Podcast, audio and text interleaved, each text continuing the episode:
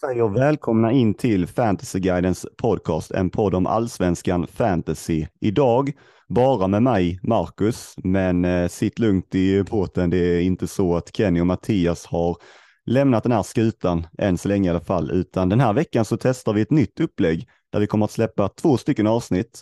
Eh, det kommer att vara det här avsnittet som kommer att vara mer i form av ett nyhetssvep eller en sammanfattning Eh, över den omgången som precis har spelats, där jag kommer gå igenom varje match och eh, bjuda på lite eh, saker som hänt, noteringar och egna spaningar och sådär ur fantasy-sammanhang. Och sen senare då så kommer själva huvudavsnittet där vi pratar om våra lag, strategiska problem och frågeställningar som kaptensval och byten och, och så vidare senare. Så att det kommer komma ett eh, avsnitt till som, eh, där både Kenny och Mattias är med. Men det här avsnittet är alltså, ska alltså vara en sammanfattning då över varje match och eh, vi hoppar väl direkt in i det. Först ut i omgången var Elfsborg som tog emot Brommapojkarna där vi fick se ett lag som gärna ville spela fotboll mot ett lag som kanske inte riktigt ville göra det. Och det var ju många här som, eller ja, en del i alla fall, som hade satt eh, sig i Bernhardsson-båten eh, och till och med en del som hade bindlat honom och sen så var det många, inklusive mig själv, som var nära på att ta in honom, eh, men gick på annat istället. Och det blev ju verkligen en rejäl utdelning. Så well played för till alla er som gick på Bernhardsson.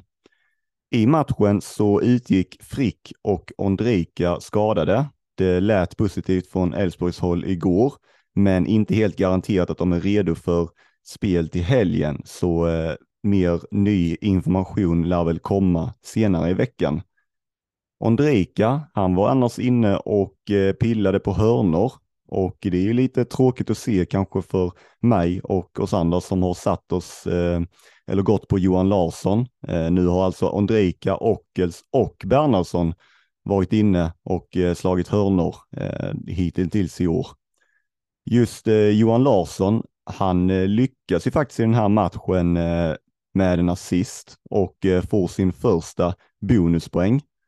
Eh, men jag är personligen fortsatt lite tveksam till honom för att det är ju, var ju med nöd och näppan han faktiskt löste det där assisten och den där sista nyckelpassningen då för att lösa offensiv bonuspoäng kom ju av att Johan Larsson han pillade eh, en liten frispark till Bernhardsson som tar över, skjuter och via styrning i mål.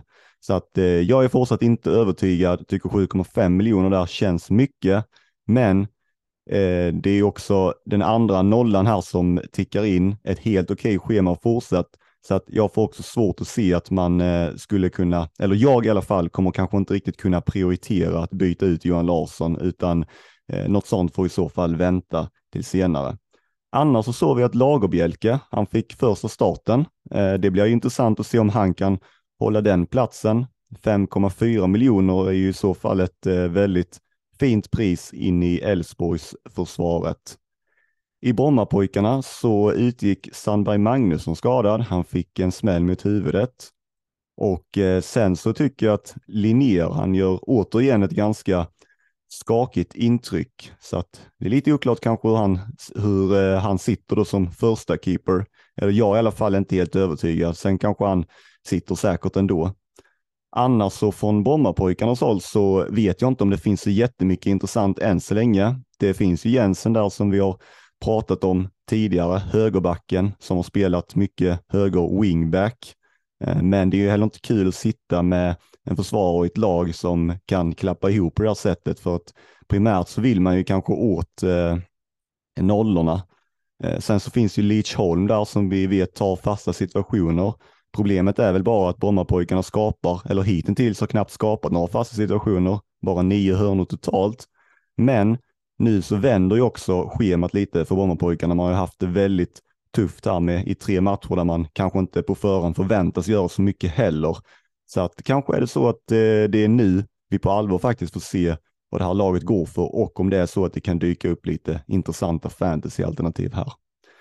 Om vi går vidare sen i omgången så eh, var det ju Häcken mot Kalmar. där Samuel Gustafsson, han fick kliva ut skadad. Vet inte alls egentligen hur allvarligt eller inte allvarligt det var, så att det blir någonting att följa upp också. Annars i den här matchen så var det väl väldigt många som eh, hade förhoppningar på Häcken, framförallt i offensiven. Eh, vi såg ju Larsen där som eh, steg i pris, alltså tre gånger inom loppet av en vecka. Till slut så blev det 1-3, tre mål till Kalmar alltså. Och ja, alltså jag tycker ju personligen att det blir kanske lite missvisande för matchen och det är lite hårt kanske att börja tala om att Häcken ska falla igenom eller att eh, eh, det var fel att gå på vissa spelare i, i Häcken och så vidare. För att förutsättningarna inför då, förutom nu att Samuel Gustafsson också fick kliva av, så hade Häcken alltså fyra spelarbortfall på direkta startspelare. Och sen saknades även Sonko och Uddenäs, som kanske är de som hade klivit in och ersatt Sadik annars. Och i matchen så hade alltså Häcken ändå 12 avslut inifrån straffområdet. Man hade en missad straff, man hade en ramträff, Larsen med, Larsen eh, med jätteläge där det ska vara mål. Och sen så, medan Kalmar då hade ganska svåra avslut, även om Häcken blev lite passiva i försvaret. Så att utifrån det i alla fall tycker jag ändå att det blir lite hårt kanske att dra stora slutsatser här. Jag förstår att besvikelsen blir stor hos många, men jag tycker också att det är väldigt små marginaler som gör att man inte istället går härifrån nöjd med de offensiva Häckenspelarna. Vi såg också att Häcken, eh, nu mötte man ja, på pappret lite sämre lag då än vad man gjort tidigare och direkt så börjar man skapa mycket hörnor igen, tio hörnor och eh, Rygaard tycker jag kom med mycket mer i matchen rent offensivt än han gjort tidigare. Skapade upp två offensiva bonuspoäng direkt och eh, han gör egentligen, tycker jag, en perfekt Rygaard-match om det inte vore för den här straffmissen då. Och eh, just att han missar straff Eh, samtidigt som Traoré sätter eh, straff, nästa straff de får gör väl att man eh, kanske kan börja anta då att Traoré är den som ska lägga straffar när Simon Gustafsson är borta. I Kalmar så utgick Skrabb eh, skadad, men det verkade hoppfullt och lät inte som att det skulle vara något allvarligt. Han gjorde ju mål nu i andra matchen i rad eh, och sen är det väl kanske lite oroande att han inte skulle vara ensam då på fasta situationer. Eh, just i den här matchen så var det till exempel fyra olika hörnläggare. Det är lite synd, men samtidigt, nu vänder också schemat för eh, Kalmar. Så att eh, jag förstår ifall folk är sugna på att hoppa på skrabb till en ganska så fin prislapp. Sedan så var det ju Stockholmsderby, AIK mot Hammarby. Och eh, AIK, ja, de gjorde det som eh, Norrköping gjorde förra veckan mot eh, AIK, det vill säga stod för en eh, rejäl överkörning mot ett Hammarby som eh, ja, knappt dök upp alls. Ett avslut på de första 45 minuterna från Hammarby och eh, det var nog inte många som såg det här framför sig hända direkt. I eh, AIK så tycker jag att det är värt att nämna Modesto. Jag tycker att han såg ut som den fantasyback som eh, man hoppades på igen. Väldigt offensiv, tar sig in i straffområdet och hade fyra avslut i matchen. Eh, Tihi, han gick ut med en skada. Vet inte alls heller hur allvarligt det är eller om det ens är allvarligt. Han hade ju en ganska intressant position annars där i, på det centrala mittfältet och gjorde det riktigt bra. Sen så fortsätter ju de här oklarheterna eller konkurrensen beroende på vad man nu vill kalla det på eh, Hammarbys offensiva positioner. Nu startade man alltså med en helt ny offensiv trea jämfört mot de tidigare matcherna och eh, Nalic och Mikkelsen tillbaka på allvar nu. Det känns inte riktigt helt säkert vilka som kommer att starta där och det kan säkert komma att skifta i, eh, i eh, matcherna framöver också. Besara till min och säkert många andras förvåning också gick av redan efter 60 minuter och eh, där har man lyckats vara väldigt hemlighetsfulla för att i direktsändning så, så framkommer det att han har haft sjukdomsbekymmer i veckan och till och med efter matchen så säger man alltså att, eh, att det var ytterst nära att Besara inte ens skulle komma till start. Det då i kombination med att han hittills bara har tagit en offensiv bonuspoäng. Vi får väl säga bara när vi ändå pratar om eh, den spelare som tog flest poäng av alla förra säsongen, så blir det, tycker jag i alla fall, intressant att se hur många som kommer att våga kaptensbinda honom hemma mot Varberg sen där man är stora favoriter. Men eh, det får vi väl återkomma till i avsnittet senare. Annars så eh, spelade ju AIK med Fesaie som eh, igen, tredje matchen i rad och eh, med sina två mål så eh, är det väl rimligt att tro i alla fall att han har köpt sig lite tid eh, till att få fortsatt förtroende. Även om nu AIK också har haft lite skadebekymmer på sina anfallare. Och eh, det är ju möjligt att det kan vara ett eh, starkt alternativ framåt för alla som behöver en billig anfallare. Det är inte så många billiga anfallare annars som eh, finns i det här spelet som också startar matcher. Sen så spelade Norrköping mot Värnamo eh, och återigen så fick vi se en eh, ny tavla från eh, Vatsiakovic och frågan är nu om inte det här målvaktsbytet kryper lite närmare för Värnamo. De har ju Rashid där som stod en del under försäsongen och eh, det är inte just det att Vasakovic gör ett osäkert intryck hela tiden, utan det är ju direkta tavlor han gör och har gjort i alla de här tre inledande matcherna. Så att, eh, sen kanske det är så att eh, tränarna tror jättemycket på Vasakovic och han sitter säkert och, och så vidare. Det, det, vet jag ju inte, men eh, hade jag suttit där så hade jag i alla fall känt mig lite orolig. Men eh, om man istället ska lyfta någonting positivt från Värnamo så är det kanske att Gozdanic, han löser alltså två defensiva bonuspoäng precis som han gjorde mot Göteborg och är nu alltså den spelare som har tagit flest defensiva, gjort flest defensiva aktioner. Eh, och ja, så här stats och sånt är ju alltid lite känsligt efter bara tre matchers underlag, men jag tycker att just det är ganska imponerande eftersom att Värnamo också tydligt har varit det spelförande laget i de här inledande matcherna. Och eh, det är ju så av rimliga skäl att har man bollen mycket, då blir det också på automatik svårare att göra defensiva aktioner som brytningar och så vidare. Så att det tycker jag ändå är någonting värt att eh, nämna. Annars så eh, var det ju några, mig själv inkluderad då, som satt på Sigurdsson och eh, hade till och med han som kapten. Eh, väldigt roligt, kul med lite utdelning där efter att ha sett Bernhardsson gå loss. Eh, men ja, han ser ju väldigt fortsatt involverad ut i den här matchen. Eh, hittills har han alltså varit delaktig i nästan 40 procent av alla Norrköpings avslut, alltså med nyckelpass eller att han själv har tagit avslutet. Det är väldigt högt, men det var också marginaler med i målen i, eh, i den här matchen får man faktiskt säga. Alltså första målet så är det ju tvätthäng från Vatsiakovic som gör att Sigurdsson får skjuta in den i öppet mål. Och sen i andra målet han gör så är det ju en styrning. Så att eh, ja, han är där samtidigt som det var marginaler och eh, överlag i matchen tycker kanske jag inte riktigt att två mål av Norrköping, att det eller som resultatet blev, att det speglar matchbilden riktigt. Jag tycker Värnamo var minst lika bra och eh, i matchen. Så att det är just det där också, tror jag att, eh, för jag tror inte att alla kanske ty tycker att, eh, går in och tror att Norrköping, att det kommer att vara ett topplag offensivt. Men då är ju den här frågan delaktighet från Sigurdsson, alltså hur involverad han ändå är, kontra då hur bra Norrköpings offensiv är egentligen.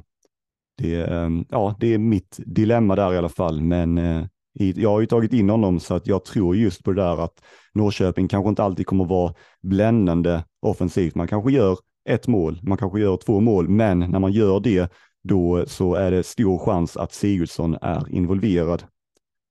Eh, Lund i eh, Norrköpingsförsvaret då, han är den eh, spelare av alla spelare hittills som har tagit flest nickavslut och lustigt nog så hade han först en nick i stolpen och sen så hade han en nick i eget mål. Eh, Traustason, han eh, småhaltade ut med en liten skada eh, och sen så byttes även Viktor Lind, som en del har gått på, ut efter bara 60 minuter mot Cassini. Och frågan där är väl om det är på grund av att det är en konkurrenssituation dem emellan nu när Cassini är tillbaka, eller om det var, Viktor Lind, han var ju lite sjuk, han hade lite sjukdom i veckan, och eh, om det kanske var det som begränsade honom i den matchen. Sen så hade vi Halmstad mot Djurgården Och från att ha släppt till massor med chanser borta mot Degerfors så lyckas man, precis som mot AIK, göra en solid eh, defensiv insats på hemmaplan igen.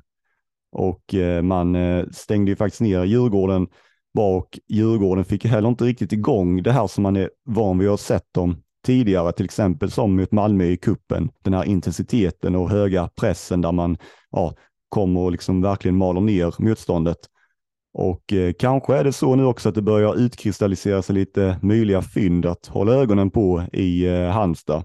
Vi har ju till exempel Ahlstrand där som spelar i en offensiv position ganska nära forwards och gjorde en offensiv return på tredje matchen i rad. Och eh, ja, han har ju gått upp i prisen tidigare också. Och sen lite defensivare på mittfältet så har vi ju Svedberg för eh, bara 4,5 miljoner. En spelare som säkert Kenny och Mattias grämer sig lite extra över att inte ha startat här för att eh, han stod alltså för två assist och fortsätter vara väldigt bonusstark och är ju också med på fasta situationer. Sen så har vi även Valentin där som kanske är värd att nämna. Den eh, enda spelaren hittills som har lyckats lösa full pott vad gäller defensiva bonuspoäng, alltså sex stycken. Eh, sen så kanske det är lite oklart dock vad som händer när eh, Baff och han är tillbaka. Halmstad annars med potentiella fortsatta problem kanske på den här vänsterbackspositionen. Hjertstrand, han var ju tillbaka igen men fick kliva av. Han tog sig för baklåret såg jag, men sen är det väl lite oklart där också om det var något allvarligt eller om det bara hade med fysisk status eh, som kramp eller sådär att göra. Att han, just var att han precis var tillbaka. Eh, för inför matchen så saknades ju Boaki redan. Eh, han byttes ju också ut i förra matchen innan det eh, och även där så vet vi inte riktigt vad det rör sig om. I Djurgården annars så var ju Piconell i målet efter att Widell Zetterström då skadat sig och det var väl ett tveksamt ingripande vid första målet och jag vet inte riktigt om jag är för hård kanske om jag säger att han hade kunnat göra lite bättre vid andra. Det kanske är för hårt, men ja, det känns ändå som att eh, man har ju den rutinerade Vaiho där också, så att eh, den där startplatsen, ja, känns väl inte helt hundra kanske. Eh, Schüller tog sitt tredje gula kort och eh, avstängd i kommande omgång och sen så började Wikheim eh, på bänken eh, och eh, där fick vi bara en liten eh, liten eh, heads up från Bergstrand inför matchen då där han sa att eh, han hade haft problem i veckan, vad nu problem innebär för något. Men efter Falenius insats eh, så eh, känns det väl som att Wikheim han ska kunna ha goda chanser till start i nästa omgång. Även om den där konkurrenssituationen och eh, Djurgårdens möjligheter till tidiga byten oroar en del såklart. Men sen så spelades Mjällby mot Degerfors och Mjällby de, de gör det igen bara, alltså fullständigt så här stänger ner sitt motstånd och släpper inte till en målchans i princip. Eh, sen hade man ju även Ståhl där som gjorde mål. Han har ju hittills annars bara tagit en bonuspoäng och eh, det är ju en liten edge han tappar då mot sina andra försvarskollegor eh, som arbetar längre ner i banan. Men det är ju klart att den det golvet byts ju ut mot att han får den här fina uppsidan av att han är listad som försvarare men spelar som anfallare och gjorde då mål i den här matchen. Så det är ju väldigt fint för alla er som sitter där. Eh, Rosengren, han är ju tillbaka på allvar nu i, i Mjällby och frågan är om det inte är så att någon faktiskt ska petas då till förmån för han och vem det är. Det är lite oklart faktiskt. Varit inne lite på att det kan vara Brorsson men Brorsson fick ju faktiskt vara kvar på planen när eh, Rosengren byttes in. Så att eh, det blir väl någonting vi får se om det blir lite klarare senare i veckan. Jag tycker att Bussain i eh, Degerfors, han, är, han var spännande inför säsongen och han är lite småspännande nu också, framförallt offensivt. Han är alltså den som har slagit överlägset flest inlägg från öppet spel och redan löst sju nyckelpassningar. Sen är ju frågan hur långt det räcker då om man jämför med eller om man tar att han, har, än så länge har de inte hållit en nolla i, eh, ja, det har inte varit lätt motstånd kanske, men ganska överkomligt ändå för att vara lag som, alltså på Degerfors nivå ungefär. Eh, och sen så har man släppt in eh, två mål i två matcherna. Så att eh, ja, lite svårt, men det kommer ju en dubbelomgång senare i omgång nio där Degerfors spelar dubbelt, så kanske att han kan vara någonting då i alla fall. Och sen som Mamar på andra sidan då, eh, vänster wingback, han byttes ut eh, nu innan minut 60 till och med. Och eh, han, eh, vi får nog avvakta med att utlysa honom som något form av fynd som vi kanske varit inne på lite tidigare. Sen på eh, måndagskvällen så hade vi Varberg mot Sirius. Eh, jag tycker att det blev en kanske mer öppen eller chansrik match än vad jag trodde på förhand. Sirius de hade ju några frilägen eller ja, nästan frilägen och eh, Varberg de la sig inte så här bara lågt med laget, vilket jag tror passar Sirius bättre. Det såg vi också mot Djurgården till exempel, där man eh, var väldigt bra fram till dess att Djurgården fick sin utvisning och backade hem med laget. I eh, Sirius så eh, är det väl värt att nämna Daniel Stensson. Han eh, fortsätter att göra skäl för sitt pris där på 5,0 på de inledande tre omgångarna, lyssna på det här alltså, så har han tagit tre bonus, två bonus och nu mot Varberg tre bonus. Ganska imponerande ändå för en 5,0-spelare. Eh, schemat det ser ju fortsatt tufft ut för Sirius, men om man har gjort det mot eh, Djurgården, om man har gjort det mot Norrköping, ja varför inte i eh, kommande matcher också. Nu tog han visserligen det tredje, tredje gula kortet ska nämnas, så att han är avstängd i eh, nästa omgång. Sen så eh, är det fortsatt rörigt på Sirius fasta situationer. Jag vet inte riktigt vad, eh, om de har någon lapp inför matchen där man skriver upp sig ifall man är sugen på att ta fasta eller inte, men nu var det alltså Widgren, Kastrup, Heijer, Stensson och Sylisufaj som alla var där och pillade. Och eh, delat ansvar det var det även i Varberg, men där framförallt Karlsson nu som startade tog alla sex frisparkar. I Varberg så startade även Olsson i målet igen. Eh, jag vet inte riktigt hur mycket det har att göra med att det är en konkurrenssituation eh, kontra då att Andersson inte är redo än. Men eh, lite småläskigt där oavsett. Det är ändå en del som har gått på Andersson så att det gäller väl att hålla ögonen öppna där och se om, om det faktiskt rör sig om att det bara är så att Olsson han har konkurrerat ut Andersson eller konkurrerar ut Andersson. Den sista matchen som spelades, det är eh, Göteborg mot eh, Malmö. Eh, Göteborg som krislaget Göteborg då. Men här startar de ganska bra faktiskt tycker jag. De kliver högt med laget och matchen är inledningsvis jämn. Norlin, han, är, ja, han var rivig till en början i alla fall och hade absolut kunnat få med sig någonting om han hade varit lite mer vän med bollen. Men sen ju längre matchen går, desto mindre ser man att Göteborg orkar och eh, det blir Malmö som tar över och eh, det blev ju knappast ens någon slutforcering från Göteborg. Eh, och nu så står Göteborg alltså på noll poäng, noll gjorda mål. Det har säkert alla redan hört som följer lite sociala medier och sådär. Men nu möter man alltså Djurgården borta i nästa omgång och jag antar att det inte är så många som kanske tittar mot Göteborg eh, Salomonsson och eh, Hagen. Det är de bästa poängplockarna hittills på 11 poäng, men då fick de också med sig en hållen nolla när de byttes ut eh, innan det insläppta målet mot Värnamo. Kollar vi i Malmö så eh, fick Bussanello 90 minuter. Eh, jag vet att det är vissa som sitter där som har varit lite oroliga där för tidiga byten, men kollar man i tävlingsmatcherna hittills så har han ju bara bytts ut när Malmö jagar mål, alltså mot Luleå, Degerfors och Brommapojkarna. Då har man valt att plocka av honom. Eh, Malmös bästa bonusplockare hittills annars, det är eh, kanske lite förvånande för många. För mig är det det i alla fall. Hugo Larsson. Eh, och eh, det är alltså ytterligare en spelare i den här lägre priskategorin av spelare. Vi nämnde ju några tidigare här med Halmstad, från Halmstad bland annat och sen Stensson. Så att eh, kanske att den där priskategorin då trumfar eh, mid-price eh, kategorin så här kring eh, 7-8 miljoner eh, på mittfältet. Det eh, skulle kunna vara så. Eh, någonting att titta vidare på kanske. Och slutligen så känns det som att man kan inte prata om den här matchen utan att prata om Christiansen en spelare som eh, många hoppas på och som skapar väldigt mycket frustration. Han eh, var ju väldigt involverad i den här matchen.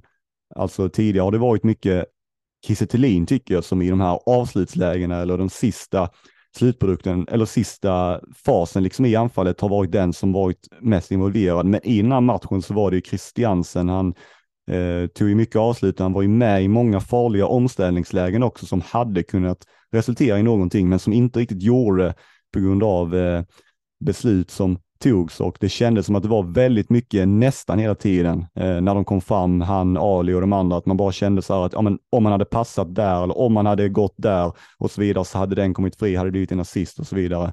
Men eh, så blev det inte eh, och eh, också lite besvikelse att trots att han är ensam hörnläggare, det är inte många som är det i sina lag numera, så gick, lämnar han alltså planen med noll nyckelpassningar. Och eh, frågan här är väl om ska man se glaset som eh, halvtomt eller halvfullt? Ska man, eh, jag vet att vissa redan kanske i frustration eh, eller inte eh, är sugna på att byta ut honom medan vissa kanske till och med är inne på att binda honom i kommande match mot Norrköping. Så att det är väl svårt och eh, det får vi väl prata mer om senare i veckan. Men det här var allting som eh, vi hade att bjuda på i det här avsnittet. Vi återkommer som sagt och hoppas att ni gillade det här upplägget. Lycka till fortsatt med era lagbyggen så säger vi på återseende.